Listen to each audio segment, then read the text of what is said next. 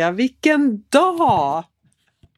Alltså, Vi, vi är ju faktiskt, det här är ju så ovanligt, men vi är ju på samma ställe när vi spelar in det här avsnittet. Vi är på Ellery Beach tillsammans. ja, men jag vet. Och eh, det är alltid lite speciellt när vi delar säng. Ja, mycket kan hända.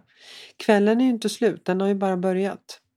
Men och har du reflekterat över, jag reflekterar alltid när jag är på Ellery att det är eh, Alltså det är ju lite så erotisk stämning här, har du tänkt på det? Ja. Vet du att jag tänkte på det när vi var där nere vid poolen och det. Det är bara förälskade par som är här. Och så vi. Ja, Eller? korrekt. Ja. det är bara förälskade par. Nej men det är ju lite, det är ju för sådana människor kanske. Det, det är inte jättemånga andra som spelar in en podd tror jag. Här. Nej, men det är mycket konferens och så. Det tror jag också. Men inte söndag. För nu upplevde jag att det endast var eh, par. Ja, men, eh, ja, men absolut. Ja, och Jag för, tror absolut att det är konferenser men det kanske är mer mitt i veckan. mm, Nej men vi pratade ju om det. eh, Vi avslutade ju förra avsnittet med det här med liksom att det var viktigt att kunna prioritera. Och varken du och jag har ju varit bra på att prioritera oss själva och våran podd upplever jag. Men här är ju faktiskt ett bra bevis på att vi, vi tar den här tiden, vi, vi avsätter tiden för att eh, planera framtid och hur podden ska utvecklas och hur den ska bli ännu bättre till eh, att faktiskt spela in ett par avsnitt på, på stående fot här. och, och då lite så här, apropå, vi ligger ju också ner just nu. Ja, det, Det, det kan ju höras, så att jag tänker att jag nämner det. Men, men jag tänker på området prioritera och du sa att man kanske inte har varit så bra på att prioritera sig själv. Um, alltså jag har ju jag, jag har så mycket uppslag på det. Så jag vet inte var jag ska börja. Jag tror att liksom min första roman skulle landa i 600 sidor ungefär. På uppslag att jag inte har klarat av att prioritera mig själv i mitt liv. Vad tänker du på när du... Nej men jag tänker ju prioritera, ja precis. Jag har ju inte så många böcker att skriva om det tänker jag. Men jag skulle bara vilja backa bandet här nu. Prioritering och lust och allting. Då, då kommer jag osökt in på liksom din nya lust här i livet. Det som du avslöjade för mig. Du har ju börjat med någonting som, som eh, du faktiskt har blivit beroende av. Kan du inte berätta? nu tänker du på mina portionssnus. Ja. Ja, det är faktiskt underbart. Eller liksom, om jag får säga det själv, så, så är det ju, alltså det är lite av en passion i mitt liv nu för tiden. Och, eh, eh, och jag tycker att det är så härligt att jag kan så här hänge mig till det. Jag, jag tänker lite att lusten måste få börja i det lilla. Och att, att jag, så här, jag, jag, jag utvidgar allt för det. Allt, allt eftersom. Men, men det här är ändå ett avancerat steg. Alltså att, att tillåta sig att så här, göra sig aktivt beroende av något som kanske skulle kännas lite tveksamt. Ja, för tveksamheten. Jag tänker ju då, hur, min fråga till dig är ju då, hur kan man som 45-åring eller 47, jag vet inte riktigt vad det är. Men om man inte är beroende av det innan, hur kan man börja med någonting när man är 47? Som man då blir beroende av, som kallas portionssnus. Ja, alltså det enkla svaret på det är ju livskris.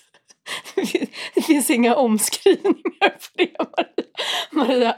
Alltså så här, när, man, när man har uttömt man har liksom uttömt alla sina, alla sina resurser till att liksom hitta nya lösningar på något sätt. Så Okej. blir man ju mer och mer desperat med åren. Så att börja snusa när man är 47, det är lika med livskris. Det är därför du gör det. För att du har en kris och behöver hitta något substitut till något annat. Har jag Men- fattat rätt? Men också så här aktivt, faktiskt, ett aktivt val av att inte välja mer så här dysfunktionella så här flyktvägar. Alltså som skulle kunna vara, ja du kan säkert komma på ett gäng själv. Men, eh, eller kan du inte det? Jo, kanske. Ja, men jag tänker att det finns massa möjliga flyktvägar som någonstans riskerar att försätta mig i ännu mer kris. Mm. Ehm, Det och- där blir ett form av substitut för någonting då, tänker jag. Ja, Absolut, det är ju ett substitut för någonting. Alltså verkligen. Och, och att det fyller en funktion på det sättet att det innebär inga risker. Och det är Nej, men då underbart. tänker jag, hur... Och det här är ingen liksom... Eh, if- det är inget nedvärderande eller liksom anklagande. Jag är bara sjukt nyfiken på hur man då när man är 47 år eller 45 eller vad man nu är eh, kommer till en livskris då att eh, man inte har det bra och till, från det steget till att jag ska gå till Pressbyrån och köpa mig en snusdosa. Men eh, någonstans så har ju, någonstans så har ju ett behov byggts upp. Alltså så här, när jag var 30 så provade jag det. När jag och eh, Ingmar separerade. Min psykologkonsult. när vi separerade för så här 20 år sedan. Nej, det är det inte riktigt. Men, men eh, då snusade han. Och jag minns verkligen hur jag så här, han, jag bara så här, du vet, lever i samma boende och man bara måste ha en tillflyktsort. Så jag bara så här, Ingmar får en snus. Och så, så tog jag en. Mm. Och, och jag bara kände så här, hela, hela kroppen slappnade av och jag bara så här, fy fan vad skönt. Mm. Eh, och där och då är det någonstans... inte svårt 20 år senare när man befinner sig i den situationen att bara, för att komma ner och för att slappna av. Då är steget inte så långt. Det är det du säger. Ja, men, eh, ja precis. Mm. Och sen har inte jag hållit på med det. Men, men jag hade också en period där jag provade lite grann innan och så har jag blivit lite mindre dömande med åren. Numera så är jag ju extremt icke-dömande. Men du, dina barn, använder de eh, snus? Nej. Men din... Ja, precis. Jag har ju ett barn som gör det. Ja, nej, men det är liksom... ehm, jag lägger ingen värdering och jag lägger ingenting utan jag, bara, jag är mer så här förvånad. Men nu förklarar ju du det lite så här, nej, men när jag var 30 så tog det för, så. Så att det ligger ju någonstans där i bakhuvudet då att jag hittar ett sätt att slappna av och det är att ta en snus. Då. Eller? Ja, nej men absolut. Och, och egentligen då, precis, och en så här ren så här lustförstärkare utan att det kommer med några konsekvenser. Egentligen så handlar det ju bara om att så här, hur kan jag få, hur kan jag trigga mitt belöningssystem utan att det får onödiga konsekvenser. Alltså till exempel gå ut och festa fem dagar i veckan. Eh, det är inte ett alternativ i mitt liv med, med fyra barn. Och, alltså sådär, utan, utan jag är ganska förpassad till att liksom jobba på det sättet jag gör och så här, lever, leverera upp alla möjliga förväntningar, alltifrån föräldraroll till jobb och så här. Men, men eh, ja, så en lustförstärkare. Mm. Ja men härligt ämne ändå tycker jag och, och det blev ju så tydligt nu när vi faktiskt såg så du stoppar in en, en snus. Jag har liksom aldrig sett det så det var därför jag reagerade. En, en väldigt oskuldsfull vit liten. Verkligen, verkligen.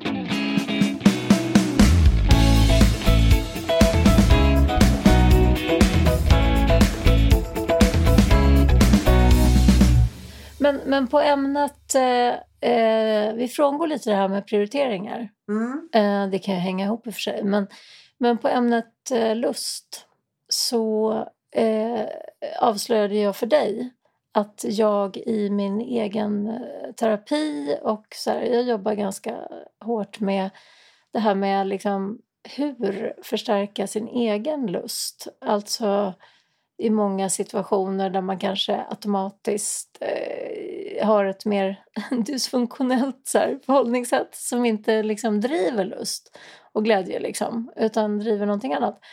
Eh, alltså Maria, då blir jag lite nyfiken. Så här, om du bara får sätta ord på en lustförstärkare för, för tillfället, vad är det? För tillfället, ja och det är ju ytligt eh, men det får man väl vara då för jag är ju ganska ytlig då. Men jag har ju precis då införskaffat ett spabad.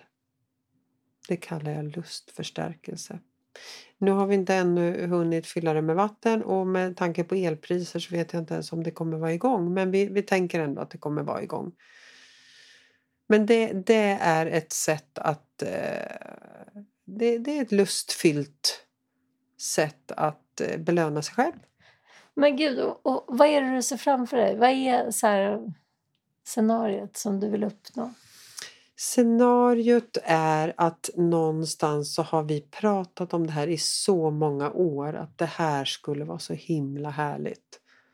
Och sen så belönar jag mig själv genom bra jobb och då belönar jag mig med det här och det är extremt lustfyllt. Att man har nått, jag är ju mycket för så här att sätta mål. Att ja, men om, om man når dit, ja, men då gör man det här. Och man når, så har vi på jobbet också. Vi sätter upp jätte så här, ja men når vi det här målet då kommer vi åka till Mallorca. Har vi ett mål? Eh, jag gillar ju det där, att sätta upp mål och sen få en belöning.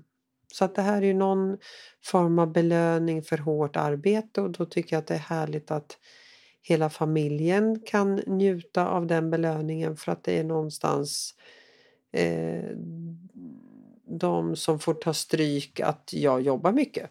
Ta stryk, det gör de ju inte. Men, men eh, så. Så att jag tycker att det är härligt med en, eh, en eh, belöning som gynnar hela familjen. För att det, det påverkar ju dem att jag jobbar mycket. Ja, och, och lite på ämnet man har en tendens till att åsidosätta sig själv. Ja, precis. Så att, ehm, ja, nej men det skulle jag säga. Och jag, som jag sa, liksom, jag tycker om att sätta upp mål. Både individuella mål och i grupp och privata mål och arbetsmål. Och sen så måste man ju belöna sig själv för det. Men alltså, du säger så här, familjen, men eh, så här, det du ser framför dig, får, får Håkan vara med? Håkan ska absolut sätta på sig badbyxorna och hoppa i. Är han lika laddad? Han är superladdad. Han håller på och bygger och förbereder och fixar och det ska byggas ännu mer altan och det ska... Nej, han är supernöjd med det här målet. Han är jättenöjd. Ja, nu höll jag på att säga något roligt där om... Jag bara såg framför mig liksom han som får ta hand om det praktiska. Jag har ändå varit... Jag har ändå varit pool... Eh, jag drev ju babysim och simskola. Och då hade jag 18 ställen. Eh, man kan säga att det var en hel del fix med pooler. så, så du, med tanke på elpriser och det som är nu så är du väl jätteglad att du inte har 18 anläggningar igång? För och, de tänker jag mycket på i dessa eltider. Alltså, vi kan ju bara säga nu när vi är på Ellery Beach. Det är x antal pooler som ska vara uppvärmda. Det är rum som ska vara uppvärmda. Det är vilosängar med värmemadrasser. Det är bastuar och det är... Alltså, eller? Ja, alltså verkligen. Och eh, nu, nu är det i och för sig inte elpriserna det jag tänker på framförallt med att jag är tacksam att jag inte driver den där skiten. men, men, men ändå. Korrekt. Ja, det är jag glad för. Ja, jag tänkte på elpriserna den första jag gjorde. Nej, men det, det är sant. Nej, det finns väl många fördelar med att inte driva det där. Men, men Maria, sen tycker jag att vi hade en rolig diskussion där jag kände liksom att jag inte hade gått in i det tankesättet kring sådär hur länge man ska jobba och hur man ska leva sitt liv sen. Mm. Det, det är ett ämne faktiskt som jag, det måste jag ärligt säga, att det är ett ämne som jag inte alls eh, håller på med. Nej. Och jag vet inte om det beror på att du är mycket yngre än mig. Men det är något som, och jag sa till dig, det, det där är något som eh, kommer upp ibland på middagar och nu när man träffar vänner och jag har ju en man som är äldre än mig själv. Eh, nej, men man pratar mycket kring så här, ja hur länge ska man jobba? Och när ska man sluta jobba? Eh, och framförallt vad ska man göra då? Nej, men det där funderar jag på.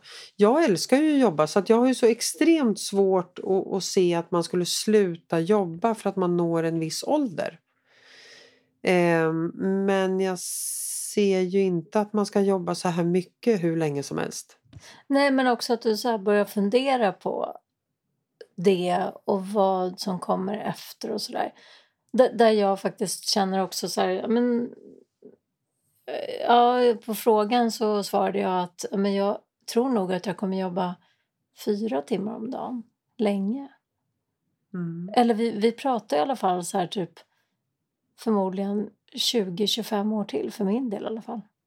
Nej men jag tänker också så att jag skulle jättegärna vilja fortsätta jobba länge och jag, jag tror att jag är den typen av person som behöver känna mig behövd. Eh, och jag ser ju framför mig att man förhoppningsvis har man massa barnbarn som man får hjälpa till att passa men det fyller ju inte en 40 timmars vecka tänker jag. Man måste ju ha lite annat. Eh, så, så att det är då jag tänker på det här konsultandet att oavsett vad... Man, jag känner inte att man behöver jobba eh, 40 timmar i veckan och mer därtill utan man ska ju snarare jobba lite mindre men eh, nu, nu för tiden när man är på tjejmiddagar, när jag är på tjejmiddagar, då, då kommer den här frågan upp lite grann. Att, men, hur tänker ni framåt och hur länge ska man jobba? Och jag vill byta jobb men det är inte så lätt när man är över 50 och hur många gånger kan man byta jobb innan man ska checka ut och så vidare. och Så vidare. Så att jag tycker att det är jätteintressanta diskussioner. Ja, men och, och då nämnde jag det att eh, jag har ju en del framförallt vd som är ja, men, eh, ja, men över 50 kanske och har jobbat kanske ja, men, extremt mycket. Och att man upplever att, att man leker på jobbet. Alltså så här, jobbet är ju lekplatsen liksom. Det är, så här, det är helt och fullt förknippat med lust. Och att liksom ta bort det där är förknippat med bara rastlöshet och ångest. Mm. Och att, eh, att våra samtal handlar ganska mycket om att eh, liksom under en period kunna eh, man kunna göra den här övergången till att kunna känna lust inför annat. För att det heller inte ska bli, för att det är ett medvetet val att man inte känner att man vill helt plötsligt vara ointressant liksom och inte ha någonting att bidra med för att, det, att man är inte helt, helt enkelt rätt person på rätt plats vid en viss tidpunkt. Mm. Utan så här, och, och då vill man känna själv att man kan välja det. Mm. Att så här, nu är jag inte det längre. Och då vill man ha ett alternativ. Alltså, så, och det är faktiskt, jag menar diagnostiskt så handlar det ju om kriterier för arbetsnarkomani. Mm. Alltså sådär. Men det handlar faktiskt om en så här avvänjning för många. Mm.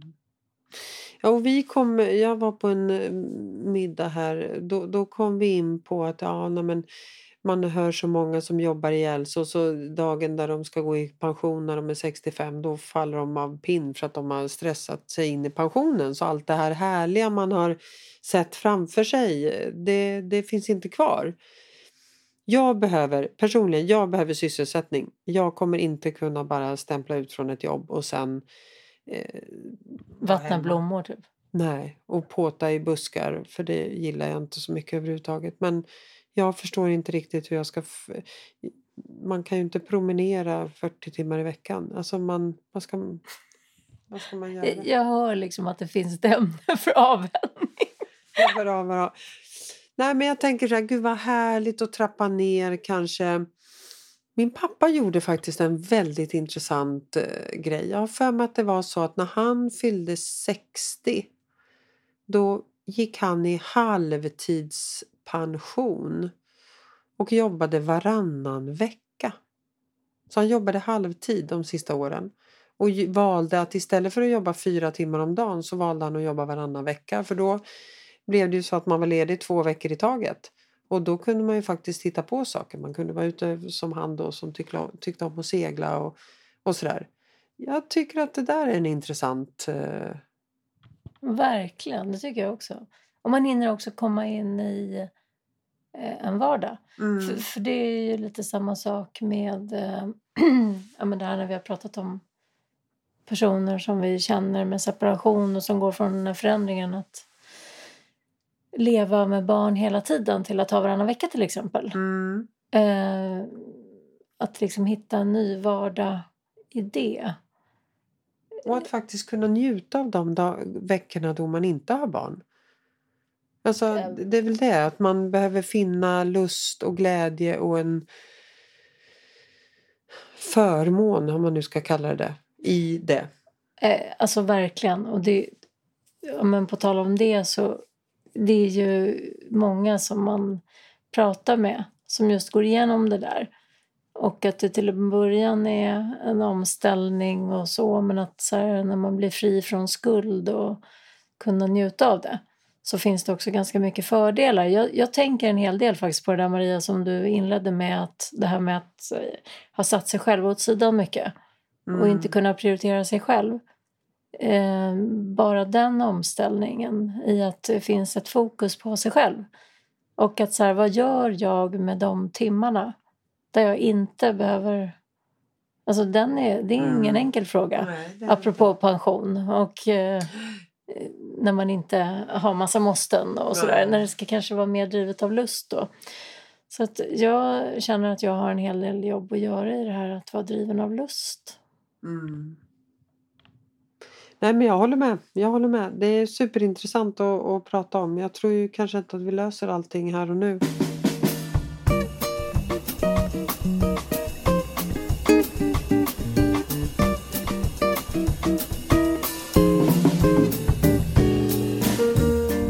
Vi försöker ju varje gång att koppla det vi pratar om till att genomgå förändring.